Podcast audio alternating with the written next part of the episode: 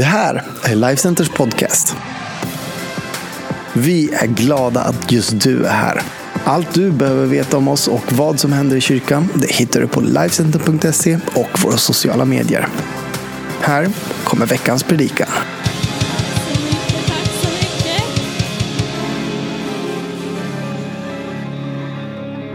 Varsågod och sitt ifall du eh, står.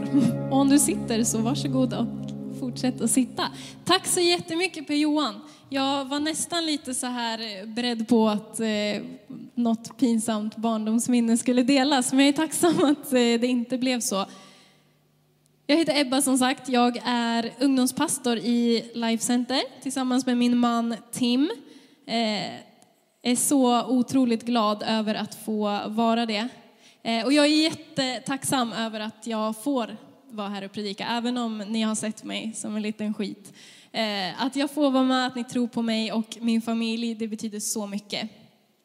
Eh, jag har eh, en man, som jag sa. Jag har också två små tjejer och idag är ingen vanlig dag för dem. Idag är en stor dag i vår familj och det är det för att deras absoluta idol fyller år. Ni som har varit med i den här kyrkan ett tag har säkert sett honom. Min eh, morfar tänkte jag säga. Min pappa Samuel, deras morfar, som typ varje söndag står här någonstans och spelar något instrument, fyller idag 57 bast. Och eh, jag vet att han älskar uppmärksamhet, så att är du i vårt Västerås campus så hissa honom, sjung, hurra och hälsa från mig. Han är grym. Temat som vi är inne i just nu kallar vi för Come Together. Och om du skulle vilja ha en titel på min predikan så kan vi kalla den för Come Together, We Are the Church. Och vi ska hoppa direkt in i ett av de mest dramatiska ögonblicken i Nya Testamentet. I Apostlagärningarna. Alltså, har du inget för dig nu under kanske semestern eller sommarlovet så läs Apostlagärningarna. Det är så sjukt mycket drama, det är så spännande.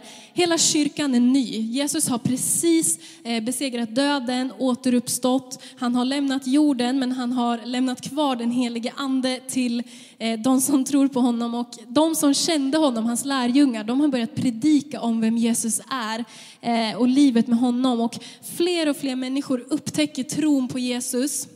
Eh, de ansluter till det som man kallade för vägen, alltså den kristna tron. Men ju större den här rörelsen blir, desto större blir också motståndet eh, mot rörelsen. Det finns massa människor som undrar, vad är det här för skum ny rörelse? Vad är det de predikar? Det här måste vi sätta stopp för. Och Saul, som senare i Bibeln kallas för sitt lite mer kända namn Paulus, han var en jude.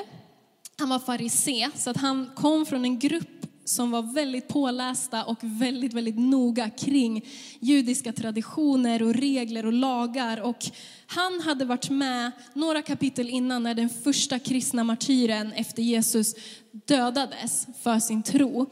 Och han, alltså Saul, ville se fler Eh, han ville verkligen sätta stopp för de kristna, så att han var i allra högsta grad med och förföljde kyrkan. Vi ska läsa från Apostlagärningarna kapitel 9, vers 1-18. Så det är ett ganska så långt stycke, men jag vill verkligen uppmuntra dig. Alltså blunda om du behöver, försök se det här framför dig, för att det här är drama. Alltså, det här är grejer. Det står så här. Saul, som fortfarande var fylld av hat och mordlust mot Herrens lärjungar, gick till översteprästen. Han bad att få med sig brev adresserade till synagogorna i Damaskus så att han skulle få tillstånd att arrestera alla där som hörde till vägen, alltså den kristna tron, både män och kvinnor. Sen skulle han föra dem som fångar till Jerusalem. Men när han hade rest iväg och närmade sig Damaskus omgavs han plötsligt av ett starkt ljussken från himlen. Och han föll till marken och hörde en röst som sa, Saul, Saul, varför förföljer du mig? Han frågade, vem är du Herre? Rösten svarade, jag är Jesus, den som du förföljer. Res dig upp och gå in i staden så får du veta vad du ska göra. Männen som var tillsammans med Saul stod där alldeles stumma, för de hörde rösten men såg ingen. När Saul reste sig från marken och öppnade sina ögon kunde han inte se. De tog honom vid handen och ledde honom in i Damaskus. Och under tre dagar var han sedan blind och han varken åt eller drack. Men i Damaskus fanns en lärjunge som hette Ananias och Herren talade nu till honom i en syn och sa Ananias. Ja, Herre, svarade han. Då sa Herren till honom, gå till Raka gatan och in i Judas hus och fråga därefter en man som heter Saul från Tarsos. Han ber och i en syn har han sett en man som heter Ananias som ska komma in och lägga händerna på honom så att han kan se igen. Men Herre, svarade Ananias, jag har hört av många om den mannen och allt ont som han har gjort mot dina heliga i Jerusalem. Och här har han en fullmakt med sig från översteprästerna att arrestera alla som åkallar ditt namn. Men Herren sa till honom, gå, för jag har utsett honom till att vara mitt redskap. Han ska göra mitt namn känt för många olika folk och makthavare och för Israels folk. Och jag ska visa honom hur mycket han måste lida för, för mitt namn. Då gick Ananias dit och kom in i Judas hus. Han la sina händer på Saul och sa, Saul min bror, Herren själv Jesus, som visade sig för dig på vägen, har sänt mig för att du ska få din syn tillbaka och bli fylld av den helige anden. I samma stund så var det som om flagor föll från Sauls ögon och han kunde se igen. Han reste sig genast upp och lät döpa sig och när han hade ätit fick han krafterna tillbaka. Jesus, jag bara ber att du ska vara med mig när jag predikar idag. Jag ber dig att du verkligen ska öppna våra ögon för, eh, för ditt ord och att du ska öppna våra ögon för vad du vill säga till oss idag. Ber dig att vi ska få bli uppmuntrade av det här ordet idag, att vi ska få komma närmare dig. I Jesu namn vi ber. Amen. Punkt nummer ett. Jag har tre punkter idag på temat Come Together. Min punkt nummer ett är Kom tillsammans. När jag satt och skulle förbereda mig inför den här predikan i min bil, eh, jag älskar att förbereda predikningar i bilen för att man kan liksom skrika, man kan lovsjunga, det är grymt. Men det var lite tyst. Du kanske tänker att eh, när man ska stå här och predika på söndagen så får man hela predikan i eldskrift på väggen på lördagskvällen. Men för mig så funkar det inte riktigt så. Eh, och jag visste att temat var Come Together och det enda som ekade i mitt huvud var låten Good Grace, eh, eller God nåd på svenska, vilket är en grym låt. Eh, där man sjunger människor kom tillsammans, ung som gammal, vårt blod är ett. Eh, barn från alla länder, alla släkter, Guds rike kom. Och det är visserligen en jättebra lovsång, det är en av mina favoriter. Men jag sa till Gud, vet du vad Gud, jag kan inte fylla 25 minuter med att sjunga den om och om igen. Även om jag vet att jag har en helt okej okay sångröst så att jag behöver någonting mer. Och jag var lite så här tuntig som man kan vara ibland. Jag sa till den helige ande, vet du vad? Alltså den här gången, jag vill ha något med tyngd. Jag vill ha något så här, så att människor, ja men, gärna något på grekiska eller något så här, något sjukt som liksom eh, kan twista lite med hur folk har tänkt och sådär. Och jag satt och bara, ah, nu kommer det. Och det enda jag kunde tänka på var filmen Frost. Då känner man ju att man är lite körd. Eh, när man sitter och ska ha en intim stund med Gud och ska förbereda en grym predikan och man börjar tänka på barnens favoritfilmer, då är man ju lite sådär så deep in föräldraskapet som man kan komma. Men det är egentligen inget fel på Frost. Jag tycker det är en grym Disney-film. Det jag gillar mest är att de coola prinsessorna bara löser grejer och att de behöver liksom inte den snygga prinsen för att, för att göra det. Men jag började tänka på vad Frost handlar om och Elsa, hon kan ju inte smälta den magiska vintern över Arendal utan sin syster Annas hjälp. Och Anna kan inte överleva utan att utföra den här true act of love som faktiskt inte var att kyssa den snygga killen som alla trodde utan som var att hoppa fram och rädda sin syster. Och det passar ju egentligen in så bra på vårt tema, för att de kämpar hela filmen på varsin kant, men när de bestämmer sig för att come together så bara löser sig grejer. Och jag började tänka på flera Disney-filmer och du vet Simba, han kunde inte återvända till Lejonriket och ta sin plats som kung utan att veta att han hade Nalas support. Nemos pappa, han kan inte hitta och rädda Nemo utan att faktiskt behöva lita på den virriga Doris. Jag vet att jag predikar till alla 90s kids här idag. Amen.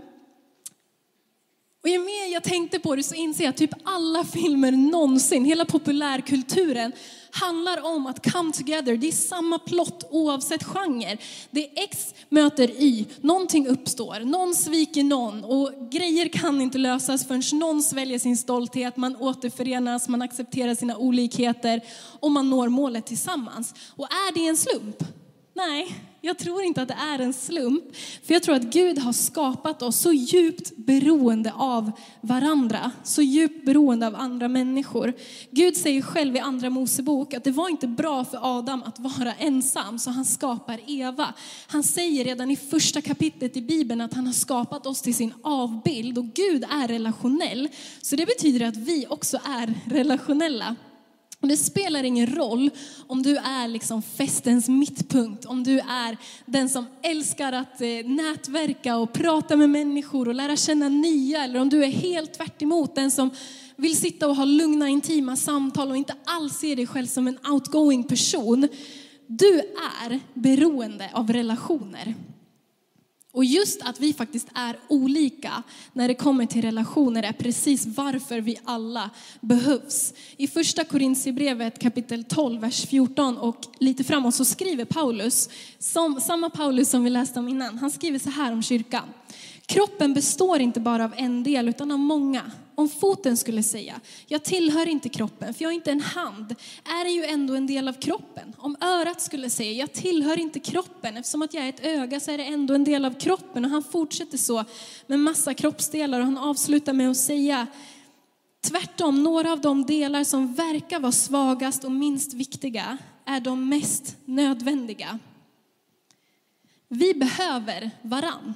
Du kanske lyssnar på den här predikan och vet precis dina styrkor. Du vet att jag är som ett par skickliga händer som kan utföra små detaljrika jättefina hantverk. Men tänk vad mycket mer du skulle kunna få ut av livet om du slår dig ihop med någon som är som ett par skarpa ögon som verkligen kan se och uppskatta detaljerna i det du gör. Och om ni slår ihop er med en tredje som har så starka muskler så att den kan bära allt virke som ni behöver. Ensam är inte stark. Punkt nummer två, är ni med mig? Yes. Punkt nummer två, även när det kostar. Det, det vi läser om relationer här, det handlar inte bara om att du och jag behöver teama upp med varandra för vår egen skull. Eh, att vi ska gå och eh, nätverka med olika kroppsdelar för att vi själva ska ta oss framåt i livet. Gud har skapat dig till den du är. Han har satt dig i ett sammanhang och det finns saker som kanske bara du kan göra. Tänk om Ananias, den där dagen när Gud bad honom att gå till Paulus, tänk om han hade tänkt den morgonen, ah, jag är ju bara en fot, alltså inte ens det, jag är typ en lill tå i hela den här nya Jesusrörelsen. Vem är jag? Vad har jag att komma med? Det är ingen idé att jag ens tar min stund med Gud här nu på morgonen för att han, det finns ändå så många andra han skulle kunna använda mycket bättre än mig. Vem vet vad som hade hänt med Paulus då, som satt och var blind och väntade på att någon från det kristna communityt skulle eh, sträcka sig ut till honom. Det kanske hade blivit en lucka. Du vet, ibland när vi läser Bibeln så känns det lite platt. I alla fall för mig. Jag är inte en stor läsare.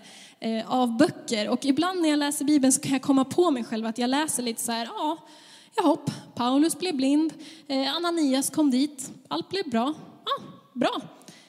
Men om vi går tillbaks till Disney-filmerna, alltså tänk er den här storyn, det här hade lätt kunnat vara en en och en halv timmes eh, välbetald, sjukt spännande Disney-Pixar-film med typ sju års gräns. Alltså Paulus som är på väg för att döda, som andas mordlust, som är eller är på väg att bli det som vi idag hade kallat för terrorist. Ananias som får det här uppdraget från Gud och som är rädd för sitt liv förmodligen när Gud ber honom göra det omöjliga. Han ska möta mannen som eventuellt kommer vilja döda honom. Han har ju Guds löfte men vem vet, tänk om Paulus fejkar, tänk om Gud råkade säga fel. Vi kan, jag kan se framför mig hur Ananias kämpar med sig själv och kämpar med Gud, hur han kanske går och besöker sina nära och kära och tänker att det här kanske är sista gången jag får träffa dem. Men till slut så inser han att ah, jag kommer inte kunna leva med mig själv om jag inte gör det som jag vet är rätt, även om jag riskerar mitt liv. Tänk er den filmen, jag hade sett den på bio, lätt. Jag är småbarnsmamma som sagt och det är så lätt för mig att tänka att livet innan barn var idylliskt. Även om jag vet att det är inte så. Men det är så lätt för mig att tänka att så här, oh, man kom hem från jobbet och man kunde göra precis vad man ville. Oh, tänk att man gick och la sig på natten och man visste att ingen kommer väcka mig förrän min väckarklocka ringer. Och även om det är lätt att tänka så, så vet jag ju att inga vakna nätter i världen skulle kunna få mig att ångra mina barn. De är ju det ultimata priset. Och när vi väljer att ta livet med Jesus på allvar så säger vi nej till att leva livet enbart för oss själva. I'm sorry to burst your bubble om ingen hade sagt det till dig innan. Men så är det.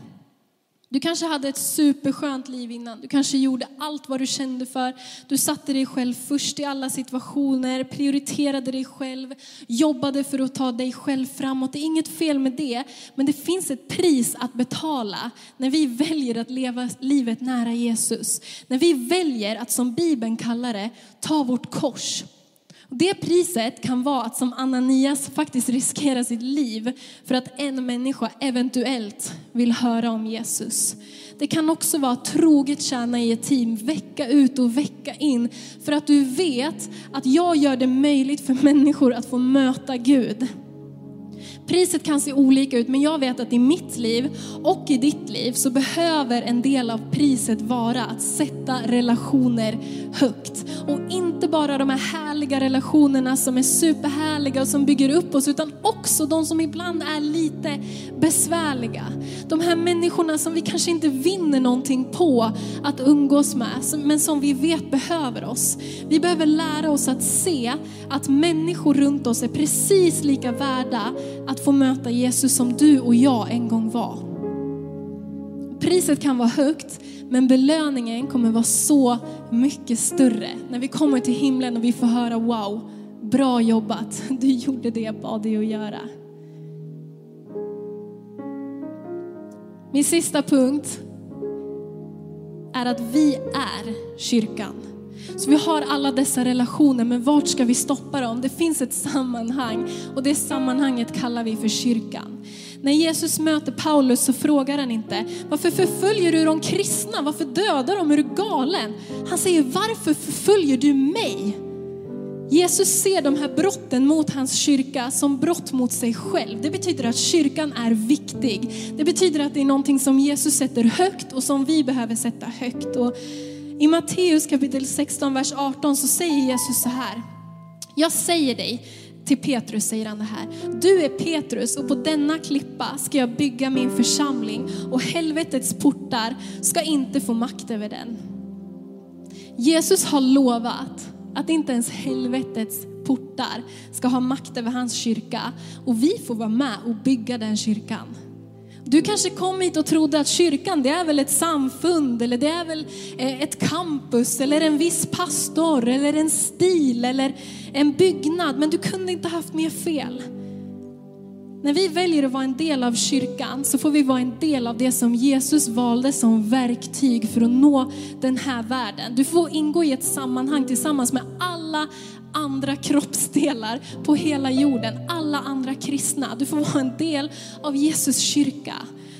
När du väljer att gå in i kyrkan och bygga ditt liv här så får vi vara med i en gemenskap som Guds hand har legat över och skyddat i över 2000 år. Det är en gemenskap som får bygga upp dig och mig som får hjälpa oss att leva vårt liv med Jesus, komma närmare honom, men där vi också kan få betyda så mycket för andra människor. Och efter det senaste ett och ett halvt året så är jag mer övertygad än någonsin om att kyrkan behövs. Vi är Guds verktyg och för att hålla relationen med honom levande så behöver vi kyrkan. Vi är kyrkan. Och jag säger vi, för att jag tror att tiden när vi sa att vi gick till kyrkan, den är över. Vi är kyrkan. Den lovsången som jag citerade i början om att vi ska komma tillsammans ung som gammal, den fortsätter så här. Sjung ut hela himlen. När vår lovsång stiger, bojor bryts, murar faller. Allt som anda har, sjung ut hans lov. Och det är en helt fantastisk text. Jag vet inte om du har varit med om det, men jag har flera gånger fått se mina bojor brytas när jag har stått i lovsång med massa andra människor i kyrkan. Jag minns speciellt ett stort möte för massa år sedan, eller massa, nu att jag är jättegammal, men några år sedan. När jag kom in i en byggnad där det var typ 10 000 människor som stod och lovsjöng och jag hade faktiskt ganska eh, mycket jobbigt med mig in till det mötet. Jag hade massa tankar och känslor som malde i mitt hjärta och jag hade inga förväntningar alls på vad Gud skulle göra den där dagen. Men direkt när 10 000 människor bara sjunger ut från hjärtat till Gud så började Gud att bryta ner bojor i mitt hjärta. Varenda ord i den lovsången fick predika rakt in i mitt liv och saker som jag hade brottats med fick jag släppa. Gud kan göra mirakler i oss precis lika starkt när vi sjunger ett brustet halleluja ensam från vårt sovrum som han kan göra när vi står i stora arenor. Men skillnaden är att när vi är flera som faktiskt kommer tillsammans så får vi som redan har upplevt vem Gud är, vi får bära fram den som inte har fått göra det än. Den behöver inte själv eh, vända sig till Gud utan vi som kan sjunga med självförtroende utifrån hjärtat och tacka Jesus för vad han har gjort. Vi får bära den fram till en plats där den kanske vågar öppna sitt hjärta och säga, vet du vad, jag vill testa det här. Ska jag nu säga att, wow, mina bojor är brutna och alltså just nu har jag inga nya vad jag vet. De kommer väl om ett tag, men just nu så är det ganska så nice. Så att jag tänkte faktiskt att kyrkan klarar väl sig själv ett tag. Jag tänkte gå tillbaks lite halvt till mitt gamla liv där jag satte mig själv först och du vet, där mina prioriteringar avgjordes av hur jag kände mig just den dagen. Och sen får jag nya bojor så kommer jag tillbaka. Kyrkan är ju alltid öppen för mig och det stämmer. Kyrkan är alltid öppen för dig, du kan alltid komma tillbaka. Men jag tänker så här, om jag har fått mina bojor brutna, vem är jag att hindra nästa person från att kunna få det?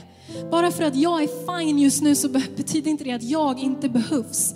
Kyrkans styrka är att den består av alla olika kroppsdelar. Om inte du är här så saknas någon.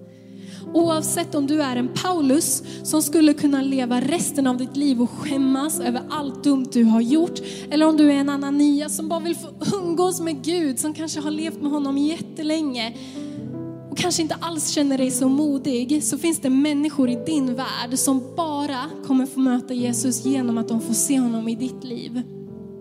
Du som är Paulus, om du bara visste hur många som skulle kunna få möta Gud genom att du vågar eh, stå för och berätta om vad Gud har gjort i ditt liv. Hur många människor som kommer kunna möta Gud som jag aldrig skulle kunna få eh, predika till från den här scenen för att de kommer connecta med dig och med din story. Paulus i Bibeln, han vände om, han ägde sin story. Han hymlade aldrig med att han hade varit en syndare och genom att han faktiskt stod för vem han var så blev allt det som Jesus gjorde i honom så stort och så äkta. Om du är Ananias idag, alltså jag känner igen mig så mycket i dig. Men jag vet att alla vi som har känt Jesus länge, vi har så mycket att ge. Jag är 26 år och det finns ingenting som stärker min tro mer än när jag får sitta med 50, 60, 70-åringar och de får berätta om vad Gud har gjort i deras liv och jag får se att beslut som de tog när de kanske var tonåringar, det har hållit och relationen med Gud har hållit genom ett liv. Det ger mig så mycket tro inför min framtid framtid. Det finns så många som är yngre i sin tro som behöver dig. Men framför allt, och det här gäller alla åldrar, oavsett om du är 12 eller om du är 112. Vem är din Paulus? Är det din granne? Är det din klasskompis? Är det kanske din syster? Du kanske inte tycker att du har så mycket att komma med, men du vet aldrig vad Gud har lagt i den personen som du ber för, som du tar med till kyrkan, som du berättar om Jesus för. Nedvärdera aldrig det du har att komma med, för det handlar inte om dig och mig, det handlar om Jesus och han vill använda oss. Om du har lyssnat på den här predikan och inte känner den Jesus som jag har pratat så mycket om så kan du få lära känna honom idag. Jesus är Guds son och det är så enkelt. Om du väljer att tro i ditt hjärta att Jesus är Herre och bekänner det med din mun så är du frälst. Du är räddad, du är kristen, du kan ha en relation med Gud. Jesus dog för dig för att du skulle kunna ha en relation med Gud. Han tog straffet som egentligen vi alla skulle ha tagit på oss. Gud är 100% god och vi kunde inte komma till honom när vi hade smuts och vi hade fel och vi hade synd i vårt liv. Men Jesus kom ner, dog på ett kors, tog det straffet på sig så att vi kan komma till Gud som vi är. Om du skulle vilja säga ja till Jesus idag och bli hans bästa vän redan här och nu, men också få leva med honom när livet här på jorden har tagit slut, så säg efter mig den här enkla bönen. Och vi alla, hela kyrkan, vi hjälps åt. Kära Jesus, jag vet att jag är en syndare och jag ber dig om förlåtelse. Jag tror att du dog för mina synder och uppstod från döden. Jag vänder mig bort från mina synder och välkomnar dig in i mitt hjärta och mitt liv. Jag vill lita på och följa dig som min Herre och Frälsare. I ditt namn jag ber. Amen. Nu är du vad Bibeln kallar för frälst och du kommer få information eh, på just ditt campus eller där du befinner dig om hur du kan gå vidare. Vi vill så gärna göra livet tillsammans med dig, men jag vill redan nu säga grattis. Och nu så ska vi lovsjunga tillsammans. Om du aldrig har lovsjungit Gud förut så börja bara prata med honom. Börja bekänna att han är Herre. Är du Ananias och du vill bli använd, berätta det för honom. Är du Paulus och du kanske sitter och skäms och du vill få kliva in i det som Gud har för dig, berätta det för honom. Det finns ingen fördömelse. Han älskar dig och han väntar på dig. Nu lovsjunger vi.